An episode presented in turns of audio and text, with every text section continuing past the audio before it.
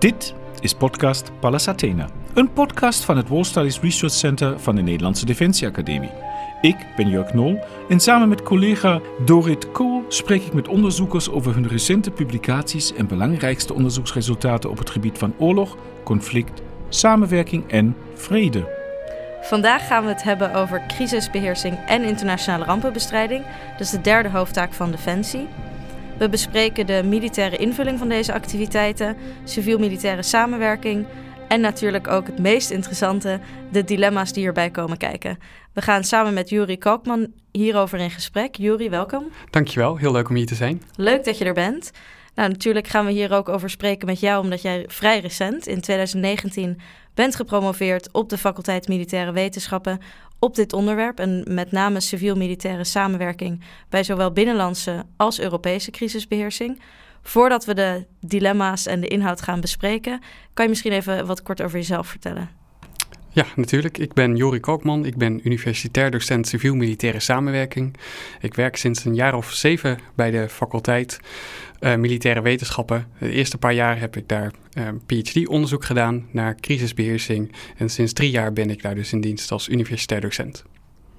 En jouw onderzoek richt zich op crisis en crisisbeheersing. Termen die vaak worden gebruikt en niet altijd duiden op dezelfde situaties of dezelfde uh, definitie hebben. Hoe zou jij deze definiëren? Een crisis is voor mij elke situatie die wordt gekarakteriseerd door een vorm van dreiging onzekerheid en urgentie. Dat zijn de drie hoofdkenmerken die een situatie tot een crisis maken. En die dreiging kan zijn richting een individu of een samenleving of een organisatie. Uh, urgentie of uh, tijdsdruk spreekt denk ik voor zich. En onzekerheid heeft te maken met het feit dat we niet precies weten wat de aard is van de situatie of hoe die zich zal ontwikkelen in een nabije toekomst. Nou, ja, ja oké, ga even door, want ik heb daar natuurlijk een vervolgvraag. Je zegt urgentie, tijdsdruk spreekt voor zichzelf, maar dat is natuurlijk juist een van de kernproblemen, zou ik bijna willen zeggen, bij crisisbeheersing en crisismanagement. Die self-induced pressure en die. Uh, dus daar komen we waarschijnlijk straks ook nog even op te spreken. Of wil je daar nu al op reageren? Um, wat ik daarover kan zeggen is dat uh, voor deze definities uh, er geen per se objectieve variabelen zijn om die te duiden. Dus het hangt altijd af van de personen die betrokken zijn of de organisaties die betrokken zijn om te bepalen of een situatie een vorm van dreiging inhoudt of een vorm van urgentie heeft. Of dat je juist ook meer tijd kan nemen en er helemaal geen sprake is van een dreiging. Dus ik zou ook zeggen, een crisis is ook altijd een sociale constructie, zoals we dat zo mooi in de wetenschap zeggen.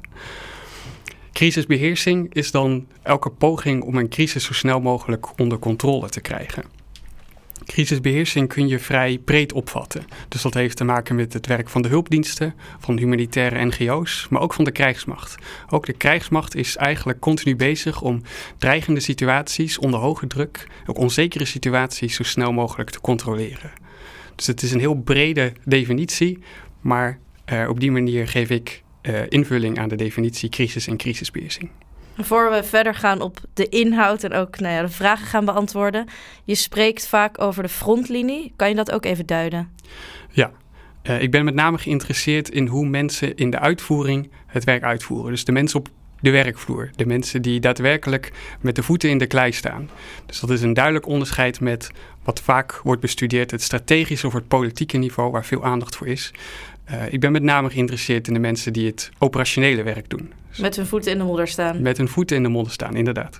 En, en daar blijkt dus nog een groot tekort aan, aan kennis te bestaan. Um, waarom is dit onderzoek naar dit onderwerp eigenlijk zo beperkt? Ik denk dat het er gedeeltelijk mee te maken heeft dat we geneigd zijn om in tijden van crisis omhoog te kijken, naar onze leiders te kijken. Of dat nou politieke leiders zijn of strategische leiders, daar gaat onze blik als eerste heen, zowel in de praktijk als in de wetenschap. Dat betekent dus ook dat we minder aandacht hebben voor de mensen die dan daadwerkelijk op de werkvloer de dingen uitvoeren. Een mooi voorbeeld daarvan is dat we tijdens de COVID-crisis veel hebben gekeken naar ministers en persconferenties en veel minder naar mensen die daadwerkelijk op de werkvloer uh, mensen aan het helpen waren. En waarom vind jij persoonlijk, maar ook uh, vanuit een onderzoeksperspectief, het zo belangrijk dat hier naar gekeken wordt? Het is belangrijk dat hier naar gekeken wordt omdat uiteindelijk deze mensen het verschil maken deze mensen die in crisis aan de frontlinie staan, maken het soms het verschil tussen leven en dood? Of maken uiteindelijk het verschil in bijvoorbeeld een conflict situatie tussen vrede en oorlog? Dus ik vind het heel belangrijk om te weten hoe deze mensen zo'n situatie ingaan, hoe ze die ervaren en hoe ze hun activiteiten invullen. Ehm, de mensen aan de frontlinie, zei net al, corona, dat is natuurlijk inderdaad, staat iedereen nog uh, vers in het geheugen gegriefd, denk ik. Um, maar we hebben natuurlijk, we zijn een militaire organisatie. Jij bent UD, civiel-militaire samenwerking. Um, uh, ik kan me voorstellen dat er heel veel onderzoek is gedaan naar militairen die in noodhulpsituaties optreden. Of uh, ben ik daar iets te optimistisch? Um, Helaas denk ik dat het een iets te optimistische interpretatie is. Uh, als we kijken naar militair optreden in noodhulpsituaties, dus dan heb ik het over situaties waarin er bijvoorbeeld een ramp heeft plaatsgevonden of bijvoorbeeld uh, een andere groot ongeval is gebeurd en militairen worden ingezet. Uh, dat is eigenlijk vrij weinig bestudeerd. Dus we hebben heel veel onderzoek naar militair optreden in een expeditionaire context. Denk aan Afghanistan, Irak, Mali. Maar veel minder naar militair optreden in de nasleep van grote rampen. En dat is inderdaad vrij bijzonder of apart, want dat is wel een taak die steeds vaker voorkomt. Als je nu kijkt naar de, de Koninklijke Marine, wordt die best regelmatig ingezet in het Caribisch gebied in de nasleep van orkanen of aardbevingen. Waarom denk je dat dit tekort hier is? Uh, ik denk dat er twee redenen voor zijn. De eerste reden is dat het een relatief nieuwe taak is. Dus dit is een taak die sinds het einde van de Koude Oorlog en eigenlijk pas vooral sinds de aanslagen van 11 september is opgekomen. Dus we zien dat steeds meer plaatsvinden, dat militairen worden ingezet voor noodhulpoperaties. Dat betekent dus ook dat het wetenschappelijk onderzoek uh, wat altijd iets meer tijd nodig heeft om vorm te krijgen, uh, nog echt uh, ingevuld moet worden. Daar steeds meer aandacht voor moet komen. Een tweede reden is dat krijgsmachten soms de neiging hebben gehad om te denken dat een rampgebied hetzelfde is als een oorlogs- of conflictgebied. Er is een heel berucht voorbeeld van orkaan Katrina in New Orleans in 2005, waar een Amerikaanse generaal zei dat zijn uh, eenheden, zijn troepen, uh, de openbare orde gingen handhaven alsof het Somalië was. Hij vergeleek New Orleans met Somalië. Dus een rampgebied waar net een orkaan was geweest met een oorlogsgebied Somalië. Wij hebben nu steeds meer door dat dat wel iets heel anders is, een rampgebied of een oorlogsgebied. Dat betekent dus ook dat we het apart moeten bestuderen en daar nieuwe inzichten over op moeten doen, omdat we ontdekken dat er hele andere dynamieken en organisatieprocessen spelen. Um, ja, ik, ik, je ziet me ja, een beetje met de mond vol tanden zitten hier. Uh, als, je, als, als, als luisteraars zien mij niet, maar Joris ziet me natuurlijk wel. Um, een Amerikaanse generaal, en ik, ik, ik, is nu toevallig een Amerikaan, ik kan me voorstellen dat meerdere militairen dat hebben, die 20, 30 jaar in deze organisatie met de mindset opgegroeid zijn um, om in militaire conflictgebieden, in, in, in oorlogsgebieden ingezet te worden, dat zij opeens die, die schakel moeten maken. Nu is dit natuurlijk inderdaad pas de, derde, pas de derde hoofdtaak. ik weet, we mogen daar nooit een echte volgorde aangeven. Maar zijn militairen eigenlijk geschikt voor dit soort noodhulpsituaties? Militairen zijn denk ik heel erg geschikt voor dit soort noodhulpsituaties. Uh, omdat ze heel goed in staat zijn om onder hoge druk en onzekere omstandigheden te werken. Militairen zijn in staat om zelfs onder die omstandigheden een sterk teamgevoel te houden en als team op te treden. Uh, ze zijn in staat om zelfs onder die omstandigheden vaak heel creatief te, te reageren op onvoorspelbare en onverwachte situaties. Tegelijkertijd is het inderdaad heel belangrijk dat iedereen zich er dan wel van bewust is dat een rampgebied iets anders is dan een oorlogsgebied. En een belangrijk voorbeeld aan de hand hiervan is dat um, er soms een rampgebied wordt binnengegaan met het idee van we gaan een vijand bestrijden. En die vijand is dan misschien de ramp, een vijand is misschien de elementen in de samenleving die mogelijk de openbare orde verstoren. Maar dat is eigenlijk een verkeerde mindset. Je moet er niet ingaan met het idee van dit is een alternatieve oorlog.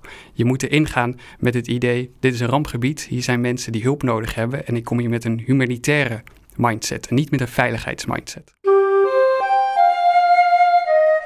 Crisisbeheersingssituaties, zoals je ook al schetst, zijn natuurlijk ontzettend complex en er komt heel veel bij kijken. We kunnen helaas in de podcast niet alles bespreken, maar ik zou graag, uh, wij zouden graag even een aantal van die dilemma's schetsen. Ehm, en de eerste heeft te maken met civiel-militaire relaties, waar je ook veel van je onderzoek naar verricht. Kan je even kort schetsen hoe zo'n situatie eruit ziet? Wie, wat zijn de spelers, wat zijn de actoren die daar allemaal mee bezig zijn?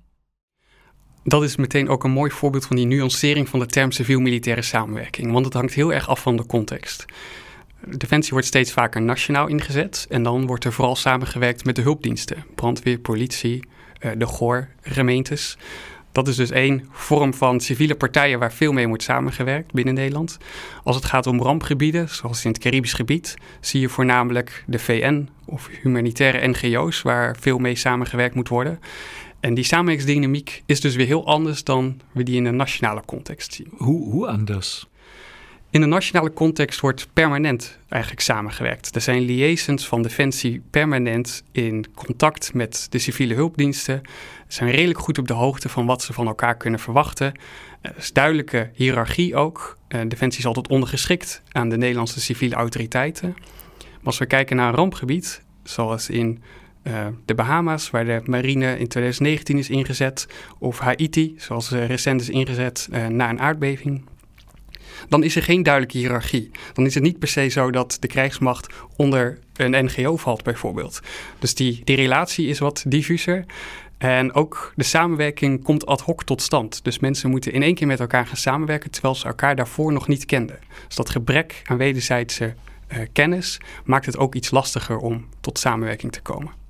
Het zijn natuurlijk hele verschillende organisaties met een andere cultuur en een andere structuur. En dat heb je in Nederland.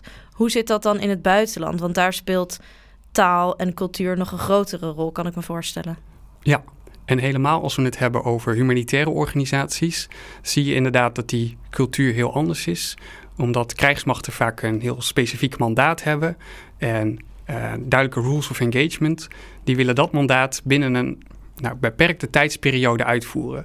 Het geval van de Bahama's, waar Defensie werd ingezet naar orkaan Dorian in 2019, was de inzet ongeveer anderhalf, twee weken. Dat is dus een korte tijdsperiode. Humanitaire organisaties hebben vaak een veel langere visie. Die denken ook al aan hoe we de hele samenleving gaan wederopbouwen.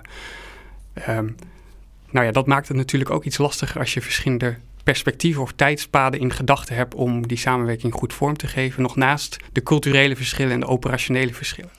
Een van de grote problemen waar we in Afghanistan tegenaan liepen, was ook het, het wantrouwen dat vaak de humanitaire hulporganisaties tegenover defensie hadden. Hoe zit het dan in zo'n operatie? In zo'n in zo'n operatie is dat uh, gelukkig iets anders. Um, er is minder wantrouwen naar een orkaan of aardbeving wederzijds, omdat uh, er meer overlap qua doelen is. Dus zowel militair als civiele partijen hebben een duidelijk uh, idee van wat er gedaan moet worden, hebben een duidelijk idee uh, doorgaans dat de samenleving voornamelijk behoefte heeft aan humanitaire hulp. Uh, en dat betekent ook dat die samenwerking iets makkelijker tot stand komt in veel situaties. Er is minder conflict, er is ook, spelen ook minder veiligheidsaspecten. Want een van de redenen dat NGO's in bijvoorbeeld Afghanistan of Irak moeilijk samenwerkten met de krijgsmacht, is ook omdat ze niet direct geassocieerd wilden worden met een van de strijdende partijen. Ja, zulke uitdagingen heb je natuurlijk niet in het rampgebied. Dus dat maakt dat de samenwerking in de nasleep van zo'n ramp vaak iets soepeler verloopt. En, en andere naties. Ik kan me voorstellen bijvoorbeeld, uh, de mariniers waren natuurlijk ook ingezet op Sint Maarten.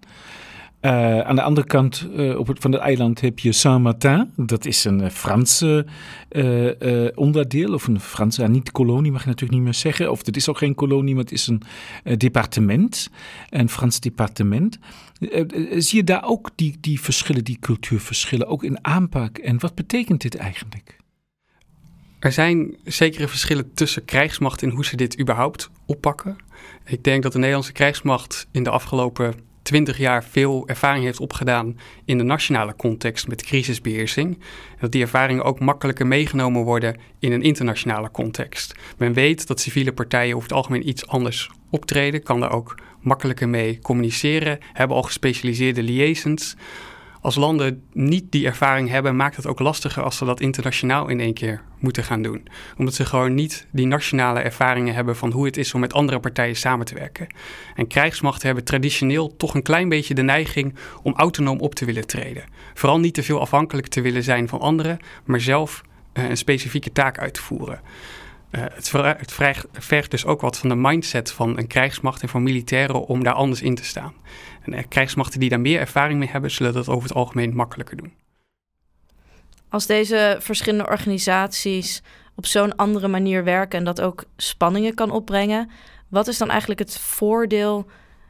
Wat brengt het wel als je deze organisaties samenzet die ze individueel misschien niet kunnen doen of niet kunnen bereiken? Ja, dus de vraag is eigenlijk: waarom zou je überhaupt willen samenwerken? Um, het heeft er enerzijds mee te maken dat crisissituaties aan het ontwikkelen zijn. Waar crisissituaties in de geschiedenis doorgaans nou, iets afgebakender waren, zijn wetenschappers het nu over eens dat de crisis steeds complexer worden. Dat heeft te maken met het feit dat de crisis steeds meer grensoverschrijdend worden. Grensoverschrijdend in de fysieke zin. Dus een oorlog in Oekraïne heeft effecten op bijvoorbeeld het aantal migranten naar Nederland, het aantal vluchtelingen naar Nederland. En betekent dus ook dat we in die zin daarop moeten reageren. Um, en ze zijn ook grensoverschrijdend in de bestuurskundige zin, dat ze steeds meer beleidsterreinen overschrijden. Dus het gebeurt zelden dat een crisis heel specifiek binnen een beleidsterrein blijft. Ook daarin zien we dat ze heel snel de neiging hebben om breder in de samenleving effecten te hebben. En we dus ook veel meer samen moeten werken tussen verschillende crisisorganisaties om een goede crisisbeheersing op touw te zetten. Moeten we, denk je, meer naar elkaar, toe gaan werken. Dat die organisaties meer dezelfde cultuur en structuur hebben. Dat wij bijvoorbeeld als defensieorganisatie of dat de krijgsmacht die naar zo'n gebied gaat, beter enerzijds begrijpt hoe humanitaire organisaties werken en ook meer die manier van werken misschien tot zich nemen. Of denk je er zit juist een kracht in die verschillen en dat moeten we ook zo behouden? Persoonlijk neig ik iets meer naar dat laatste. Ik denk dat het belangrijk is dat we organisaties hebben met een hele eigen uh, expertise en eigen, eigen visies. Omdat als we te maken hebben met complexe crisis, we het ons niet kunnen veroorloven om allemaal dezelfde visie of opvatting te hebben of dezelfde interpretatie van de crisissituaties. Het is dan juist belangrijk dat we elkaar blijven uitdagen. Dat we een bepaalde visie op een crisis, of dat nou eentje is die voornamelijk door NGO's geformuleerd is of door militairen geformuleerd is, om daar kritisch, kritisch op te blijven reflecteren, om op die manier elkaar scherp te houden. Het heeft ook een aantal voordelen om dat interorganisatorisch op te pakken en dat elke organisatie een eigen expertise heeft, omdat je dan heel snel taken kan verdelen. Dus je hoeft niet per se elke activiteit samen uit te voeren. Je kan ze gewoon ook veel efficiënter soms verdelen onder elkaar en op die manier snelheid in je crisisbeheersing houden.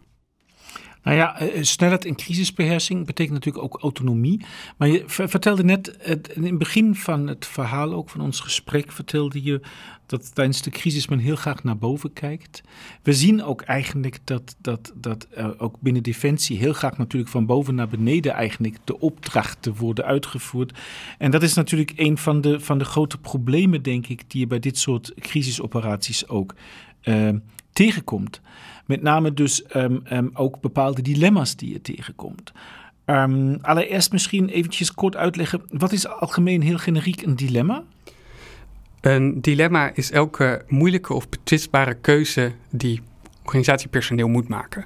Ja, in, in, die, in, deze zin. Hè? En een van deze dilemma's um, heeft te maken dus ook met die, met die discretie en dus de mogelijkheid um, voor die medewerkers aan de frontlinie om autonome beslissingen te maken. Maar je ziet dus juist, de, de, ik heb net aangesproken binnen Defensie, ook de neiging om een top-down. Mede ook, mede ook, en dat zeg ik meteen erbij, vanwege de politieke verantwoordelijkheid die hier in Nederland uh, is natuurlijk waar dan ook ter wereld militaire optreden. Ja, dus we zien binnen de krijgsmacht een sterke neiging tot hiërarchie in crisissituaties. En misschien wordt die hiërarchie zelfs nog sterker op het moment dat we een crisis tegenkomen, nog meer dan in de dagelijkse bedrijfsvoering. En dit is inderdaad, denk ik, een van de belangrijkste redenen. De verantwoordelijkheid ligt altijd aan de top of hoog. Dus dat betekent dat uh, hooggeplaatst personeel, of het nou generaal zijn of een minister, uh, zich verantwoordelijk voelen en een zekere mate van controle willen houden. Tegelijkertijd denken we ook dat we in crisissituaties moeten centraliseren, omdat het idee is dat iemand die hoog in de organisatie zit, het beste overzicht heeft van de crisis. Dus die persoon zal al informatie verzamelen, analyseren en vervolgens tot besluiten komen om een zo effectief mogelijke crisisbeheersing op touw te zetten. Uh, jouw manier van vertellen duidt erop dat je het daar niet mee eens bent. Dat klopt, ja. Uh, er zijn ook wat kanttekeningen bij te plaatsen. En een daarvan is dat leiders eenmaal in complexe crisis al heel snel overvraagd worden. Als zij van heel veel verschillende kanten informatie krijgen, kunnen zij op het gegeven moment niet meer aan om al die informatie te verwerken en snel tot besluiten te komen. Dus je ziet vaak in complexe crisis dat zij achter de feiten aan gaan lopen. Bovendien valt op dat militairen, maar ook andere uh, personeel van crisisorganisaties de neiging heeft om al te reageren op de situatie waarmee ze geconfronteerd worden. Zij wachten niet per se totdat ze hele duidelijke instructies of orders van bovenaf krijgen. Ze zijn uitgebreid getraind, ze hebben vaak veel ervaring, dus ze zullen al beginnen met allerlei crisisbeheersingsactiviteiten voor ze per se instructies hebben gehad. Ze zullen ook al adaptief optreden in crisisbeheersingssituaties als de situatie anders blijkt dan ze van tevoren hadden vermoed.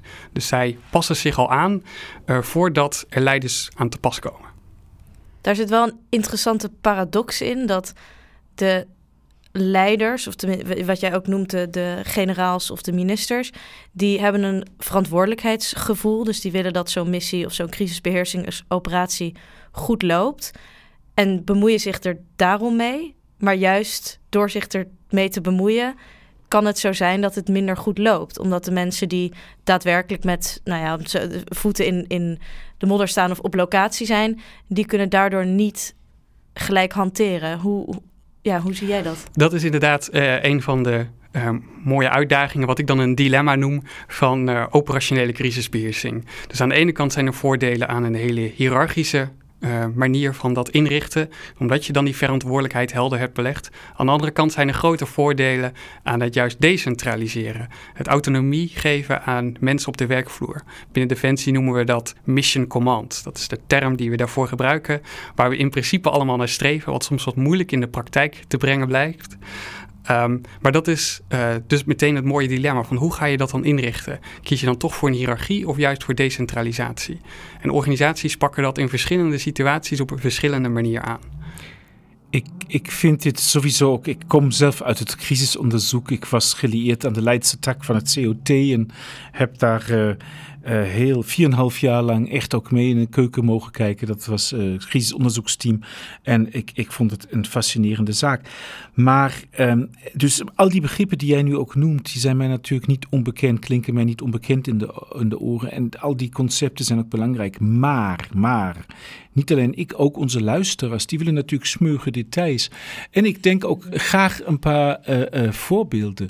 Kun jij een voorbeeld noemen van een uh, crisispersingsoperaties waar je dus ziet van dat er daadwerkelijk een zeer centraal reflex was.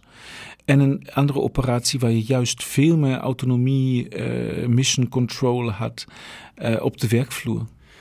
Ik heb denk ik een mooi voorbeeld van hoe je dat ziet verschuiven binnen één operatie. Graag. Bij uh, de orkaan Dorian in de Bahama's 2019 werd er grootschalig militair ingezet. Er waren 550 Nederlandse militairen en dan nog 100, 100 andere uh, militairen die daar rampenbestrijding gingen uitvoeren. Wat zij noemen Humanitarian Aid and Disaster Relief operatie. Dus zij gingen noodhulp leveren aan het getroffen gebied in, in de Bahama's. En terwijl zij daar naartoe onderweg waren, hadden ze een hele grote staf aan boord. Een staf met hoge officieren die in principe de hele aansturing, de hele command en control zouden doen van deze operatie. Zij zaten uh, op de Johan de Wit. Johan de Wit kon daar niet aanmeren, want het was te ondiep. Dus zij lagen enkele zeemaal van uh, het getroffen gebied vandaan. Het idee was dat deze commandstaf zou alle informatie krijgen, zou die vervolgens gaan verwerken, uh, zouden ze gaan analyseren en vervolgens besluiten maken over wat er dan gedaan moest worden. Dat was de theorie. Op het moment dat deze operatie begon, kwam men eigenlijk al vrijwel direct binnen een paar uur tot de ontdekking dat dit niet ging werken. Informatie kwam vaak te laat binnen. Uh, soms werd informatie vanuit de frontlinie helemaal niet doorgegeven omhoog. Soms werd het wel doorgegeven, alleen moest de commandstaf eerst alle informatie verzamelen en verwerken. Dat duurde dan soms uren of, of een dag voordat de uiteindelijk instructies kwamen. En op het moment dat die instructies dan aan de frontlinie werden doorgegeven en dat operationele militairen te horen hebben gekregen wat voor activiteiten ze moesten uitvoeren, waren die activiteiten al lang uitgevoerd. Dus zij hadden niet gewacht totdat ze de instructies kregen. Zij hadden al allerlei activiteiten uh, gerealiseerd. Toen is er ook een switch gemaakt van de meer command and control, de hiërarchische benadering, naar mission command. Omdat men al direct tot de ontdekking kwam, eigenlijk binnen een dag, van oké, deze hiërarchische aansturing gaat niet werken. Uh, we moeten veel meer macht en beslissingsbevoegdheid decentraliseren naar lager in de organisatie. Misschien ook een goede aanleiding naar een volgende vraag over andere dilemma's. Want jij schetst in je onderzoek niet alleen het dilemma van autonomie of top-down versus bottom-up en hoe je dat goed kan organiseren, maar ook een aantal andere dilemma's. Zou je hier wat verder op in kunnen gaan? Natuurlijk. Ik schrijf momenteel een boek waarin ik uh, elf dilemma's identificeer. En een mooie die misschien uh, uh, om te noemen is misschien degene tussen plannen en improvisatie. Dus we schrijven vaak plannen voor hoe we gaan optreden in crisissituaties, maar die plannen blijken lang niet altijd heel makkelijk te gebruiken in crisis. Dus gaan we improviseren. En aan beide kanten, dus zowel het volgen van plannen als het overgaan op improvisatie, daar zitten allerlei uitdagingen aan, hebben zowel voordelen als nadelen. Ander dilemma is: raak ik emotioneel betrokken bij deze situatie als crisisresponder? Of houd ik juist een zekere rationele afstand? Um, een derde misschien nog die mooi is om te noemen, is hebben we juist teams nodig die heel veel cohesie hebben, uh, waar mensen elkaar door en door kennen of enorm sterk verbonden zijn? Of hebben we juist teams nodig die heel divers zijn, met mensen met verschillende achtergronden, die misschien elkaar af en toe heel kritisch zullen bejegenen, maar die elkaar daarmee ook heel scherp houden op uh, de, de situatie in de crisispiercingsoperatie, zodat je ook snel doorhebt als de situatie anders blijkt dan je van tevoren had uh, verwacht. Ik vind het wel leuk om nog een paar meer dilemma's te horen. Een ander dilemma die ook mooi is in een civiel-militaire context is: moeten crisisorganisaties, als zij optreden, heel erg geïntegreerd optreden? Moeten zij constant afstemmen om tot een gezamenlijk beeld te komen en gezamenlijk op te treden?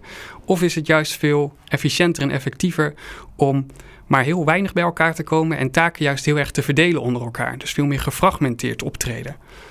Um, dat is een ander dilemma. Um, een vijfde zou kunnen zijn uh, ethiek. Volg ik de normen en waarden die ik van de organisatie meekrijg, die vaak geformuleerd zijn in ethische protocollen bijvoorbeeld? Of volg ik juist mijn eigen intuïtie, mijn eigen morele overtuigingen? Uh, ook die zie je regelmatig terugkomen in een militaire context, waar individueel personeel het niet helemaal eens is met de normen en waarden van de organisatie. En heb je al antwoorden daarop? In het boek dat ik aan het schrijven ben, formuleer ik daar antwoorden op. Uh, of ik probeer althans de antwoorden op te formuleren, want het is denk ik belangrijk om te benadrukken dat deze dilemma's bestaan in al die crisisorganisaties en dat ze ook niet helemaal oplosbaar zijn. Tegelijkertijd is dat ook een risico, want je, dat, dat kan je ook heel fatalistisch maken, maar dat is, dat is niet per se nodig. Ik denk dat een van de problemen is, is dat we de neiging hebben om tot universele antwoorden te willen komen. Dus we hebben de neiging om te denken: oké, als we deze, dit dilemma hebben tussen hiërarchie en decentralisatie, dan moeten we een keuze maken. Maar dat is niet per se waar. Wat in de wetenschap een contingency-benadering wordt genoemd, een contingentiebenadering, uh, is denk ik hier van toepassing. Dat houdt in dat je naar de omgeving kijkt en die omgeving is aan het ontwikkelen. De omgeving varieert. Dat betekent ook dat je de manier waarop je bijvoorbeeld je leiderschap inricht, je hiërarchie inricht, kun je daaraan aanpassen. Uh, dus in plaats van dat we zeggen de krijgsmacht moet heel erg hiërarchisch worden ingevuld of moet puur als een soort van mission command stijl worden ingevuld, moeten we veel meer kijken naar in welke context opereert deze krijgsmacht of deze uh, eenheid nu en welke vorm van hiërarchische inrichting past daarbij. Om nog iets concreter te maken misschien. Uh, bij relatief voorspelbare crisissituaties of crisissituaties waar organisaties regelmatig mee te maken krijgen, kun je redelijk goed een vrij hiërarchische manier van werken aanhouden. Als je echter in een hele complexe crisis terechtkomt, een grootschalige ramp bijvoorbeeld, waar een crisisorganisatie zoals de krijgsmacht misschien heel weinig ervaring of beperkte ervaring mee heeft, zul je bijna uh, verplicht moeten overstappen naar een veel meer decentrale manier van optreden.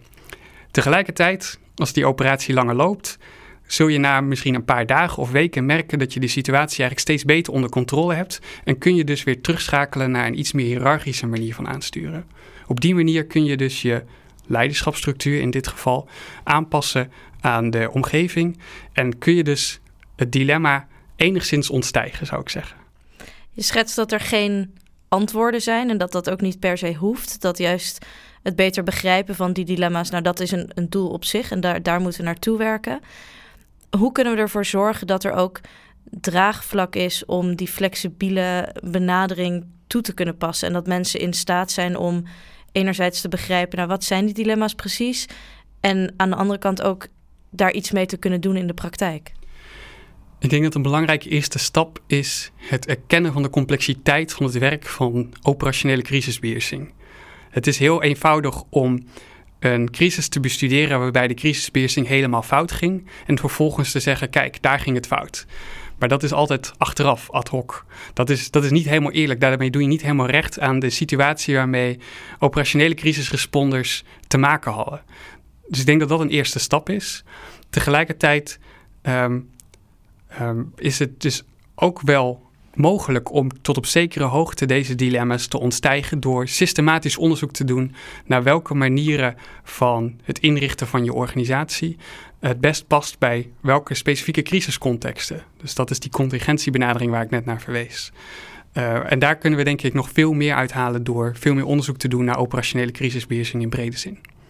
Ja, en dan, want wat, wat, wat, we natuurlijk zien is dat mensen over het algemeen best veel goed zijn. En dankzij ook jouw onderzoek heel goed in staat zijn om te uh, leren ook. Of om, nee, wacht even, leren, nu zeg ik het. De lessen identificeren. Dat ze in elk geval weten, oké, dit ging goed, dit ging minder goed. Dat zouden we moeten doen.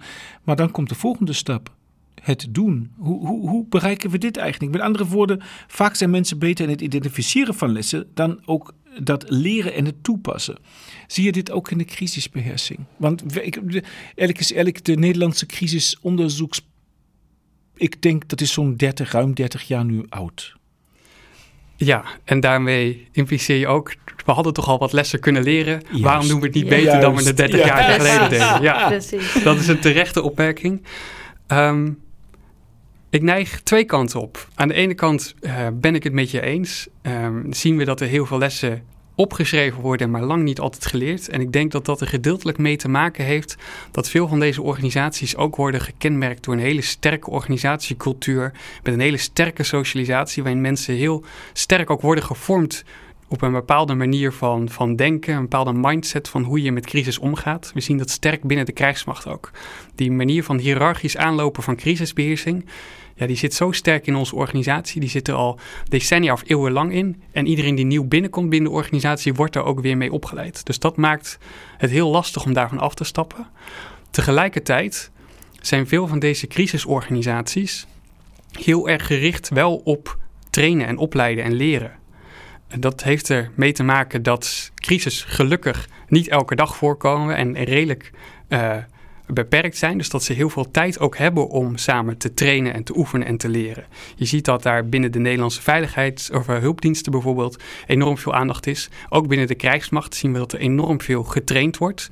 Dus er zit wel een, een wens in die organisatie of een soort van ritueel in die organisatie om te willen leren. En dat is een, denk ik, een sterkte en een potentie waar we gebruik van kunnen maken. En jij kijkt natuurlijk vooral naar de militaire context, of in ieder geval je werkt vanuit de militaire context zie je dat er in andere organisaties, niet-militaire organisaties, misschien wel beter lessen worden geïdentificeerd en ook worden toegepast? Of hebben zij dezelfde uitdagingen daarin? Uh, ik denk tot op zekere hoogte dezelfde uitdaging. En dat heeft er gedeeltelijk mee te maken dat crisissituaties uh, de neiging hebben om mensen te dwingen om terug te vallen op waar ze mee bekend zijn. Dus dat is een soort van automatisch, bijna psychologisch proces. Als je geconfronteerd wordt met een crisis, zul je snel terugvallen op praktijken of activiteiten waar je bekend mee bent, die, die natuurlijk komen. Dus dat maakt het heel moeilijk om over te stappen op iets nieuws, om dingen heel anders te gaan doen in een crisis. Tegelijkertijd zijn er wel wat mooie voorbeelden van hoe crisisorganisaties ook heel erg zelfreflectief kunnen zijn. Ik vind altijd, als je naar de humanitaire sector kijkt, er worden veel rapporten ges uh, geschreven, worden ook veel conferenties gehouden, waarin die organisaties heel kritisch zijn op zichzelf. En ook echt een hele sterke wens hebben om uh, te veranderen. Ehm, en ze zijn soms zelfs nog kritischer op zichzelf dan wetenschappers dat zijn. Dus dat is een, een voorbeeld van, van hoe kritisch ze ook, ook naar zichzelf kunnen kijken. En dus ook die wens binnen crisisorganisaties om wel zich willen te blijven ontwikkelen. En wat dat betreft zitten we in een sector waar denk ik qua leren uh, veel, te, veel te halen valt. En voordat we verder de laat, het laatste deel van dit gesprek ingaan op de toekomst en wat dit allemaal betekent, nog één stapje terug naar het verleden of wat het verleden betekent en wat we ervan kunnen leren. Want elk conflict en ook elke crisis ziet er natuurlijk heel anders uit. Kunnen we wel lessen leren, identificeren en daar in de toekomst ook wat mee? Omdat een conflict misschien of een crisis weer heel anders is. Dat is een vraag die ik uh, vaak krijg. Uh, kan ik dus Het is een hele goede vraag. ja. Ehm, en aan de ene kant snap ik het. Uh, een ramp in, in, in, het ene gebied is heel anders dan een ramp in het andere gebied. Uh, je, je komt nooit twee keer precies dezelfde crisissituaties tegen. Tegelijkertijd is dat ook een risicovolle aanname of een risicovolle gedachte. Want dat zou betekenen dat je dus helemaal niet kan leren van je eerdere ervaringen. Als je op een iets abstracte niveau kijkt, kun je uit elke uh, crisis en uit elke crisisbeheersingsoperatie kun je vergelijkbare dynamieken zien. Uh, ze zijn wel iets anders in de hele concrete praktijk, maar op een iets abstracte niveau zie je steeds dezelfde dynamieken. Zie je steeds diezelfde dilemma's tussen bijvoorbeeld hiërarchie en decentralisatie zie je terugkomen. En zie je ook dat organisaties daar op een andere manier mee omgaan en verschillende effecten bereiken. Dus dat maakt het wel degelijk mogelijk om ze systematisch te bestuderen, naast elkaar te leggen, gemeenschappelijke factoren te erkennen en daar dus lessen uit te trekken voor de toekomst. Uh, laat ons op deze gedachte even doorgaan, want um, uh, het, lijkt, het lijkt, misschien is het een beetje ook voor de buitenstaander, dat de, de indruk, misschien komt door de, media, hoe het ook verslagen wordt, crisis. Maar uh, uh, ze blijven grote gevolgen hebben en lijken ook steeds destructiever en onvoorspelbaarder te worden. Met andere woorden, het wordt dus niet alleen belangrijker crisisbeheersing, maar ook steeds complexer. Wat betekent dit nou concreet voor Defensie en welke rol zie je voor de organisatie in de toekomst? Wat dit concreet betekent voor Defensie is dat de organisatie zich moet aanpassen aan het feit dat het steeds meer in complexe crisissituaties zal moeten optreden. En dat heeft een aantal effecten op hoe de organisatie ingericht uh, kan of moet worden. En één voorbeeld daarbij is dat als we steeds meer te maken krijgen met hele complexe crisis, uh, is er dus ook meer noodzaak om te decentraliseren. Want we hadden het er net over hoe los je dat uh, leiderschapsdilemma op? Hoe los je de spanning tussen hiërarchie en decentralisatie op? Nou, als we één ding leren van complexe crisis, dan is het dat daarin gedecentraliseerd moet worden, omdat een hele hiërarchische aansturing vaak niet werkt of zelfs uh, contraproductief is. Uh, de vraag is hoe je dat dan vervolgens realiseert. Je kan bijvoorbeeld denken aan Mission Command niet alleen een symbolisch doel laten zijn, maar proberen daar echt meer concreet vorm aan te geven. Of misschien zelfs iets als minder rangen, afstand tussen verschillende lagen kleiner maken. Een tweede uh, effect voor de organisatie is dat militairen steeds meer moeten opereren zonder informatiebeeld. Dus we hebben een soort van ideale gedachte dat als militair een crisissituatie ingaat, dan wordt er eerst informatie verzameld, er wordt intelligence van gemaakt en dan gaan we acties uitvoeren. Maar complexe crisis kun je niet vooraf begrijpen. Vaak begint het met acties en terwijl je daarmee bezig bent, kun je langzamerhand informatie verzamelen om een beeld te creëren. Ik zal het iets concreter maken, want het blijft misschien anders wat vaag. Uh, tijdens rampen inzetten zie je bijvoorbeeld dat als militairen beginnen met het uitdelen van water en voedsel en niet direct uh, dat afgenomen wordt. Uh, dit is misschien lang niet altijd vraagbaar, of andere organisaties hebben dat al gedaan. Terwijl als zij andere activiteiten uit gaan voeren, zoals het uitdelen van uh, benzine bijvoorbeeld, zoals ook gebeurde in het geval van de Bahama's waar we het net over hadden, orkaan Dorian, dan is daar veel meer vraag en interesse naar. Dus verschoven zij hun aandacht meer naar die activiteit. Ze konden niet vooraf alle informatie verzamelen, want het rampgebied was groot. Er waren ontzettend veel mensen geraakt. Informatie die uit het gebied kwam was heel discutabel, was heel beperkt. Dus ze moesten met een heel beperkt informatiebeeld gaan opereren. En dat is kenmerkend voor complexe crisis. Um, een derde is dat civiel-militaire samenwerking steeds belangrijker wordt. Dus de krijgsmacht in complexe crisis uh, heeft gewoon te maken met allerlei civiele partijen die daar ook in actief zijn en met wie samengewerkt moet worden. Omdat crisis grensoverschrijdend zijn, daar hebben, we hadden het er net over. Dat betekent ook dat er dus meer interactie of coördinatie met allerlei civiele partijen moet plaatsvinden om daar goed op te reageren. Als ik nog één laatste mag noemen, uh, is het belangrijk om in complexe crisis ook je interne tegenspraak te organiseren. En dat is voor deze organisatie nog een redelijke uitdaging, ben ik bang. Want we zijn gericht op cohesie en samenhang en loyaliteit naar elkaar, wat hele mooie waarden zijn. Tegelijkertijd in complexe crisis kan dat ook tot tunnelvisie leiden. En dat is iets wat we eigenlijk willen voorkomen. En daarvoor heb je nodig dat je diversiteit in je organisatie hebt. Diversiteit in de klassieke zin van mensen met verschillende achtergronden en identiteiten. Maar ook misschien diversiteit uh, door verschillende opleidingen, opkoos, achtergronden, eenheden bij elkaar te zetten die elkaar ook scherp zullen houden. Als ik jou nu een pen en een stuk papier gaf en zei van nou schrijf op wat zijn de waar moeten we morgen aan beginnen? Wat zijn de quick wins, de volgende plannen die we nu in de praktijk kunnen uitvoeren? Quick wins zijn uh, lastig in deze uh, context, omdat uh, crisis uh, zich langzaam ontvouwen en ook enorm complex zijn. Ik denk, als je me vraagt om quick wins, denk ik dat de voorbeelden die ik net noem de belangrijkste richtlijnen zijn. Dus mission command echt invulling geven en echt accepteren als de nieuwe manier van optreden tijdens crisissituaties. Diverse personeel, um, veel meer uh, optreden en oefenen met uh, incompleet informatiebeeld, met weinig informatie. En uh, dus veel meer ook samenwerken met allerlei civiele partijen. Dus zoiets als één CMI-commando versterken en een iets prominentere rol geven tijdens missies en operaties. Dat zijn niet per se quick wins, maar wel belangrijke organisatieontwikkelmogelijkheden. Wat kan de organisatie die um, oorlog voert en in, in, in, in oorlogssituatie en conflicten terechtkomt, eigenlijk van jouw onderzoek leren? Gedeeltelijk um, zijn dezezelfde lessen van toepassing op militair optreden in oorlogssituaties. En de reden dat ik daarvan overtuigd ben, is dat we niet alleen zien dat al die andere crisiscontexten, zoals rampen of incidenten, complexer worden, maar ook oorlogs- of conflictsituaties steeds ambiguur en diffuser worden. We hebben dat gezien in Afghanistan, in Irak en in Mali.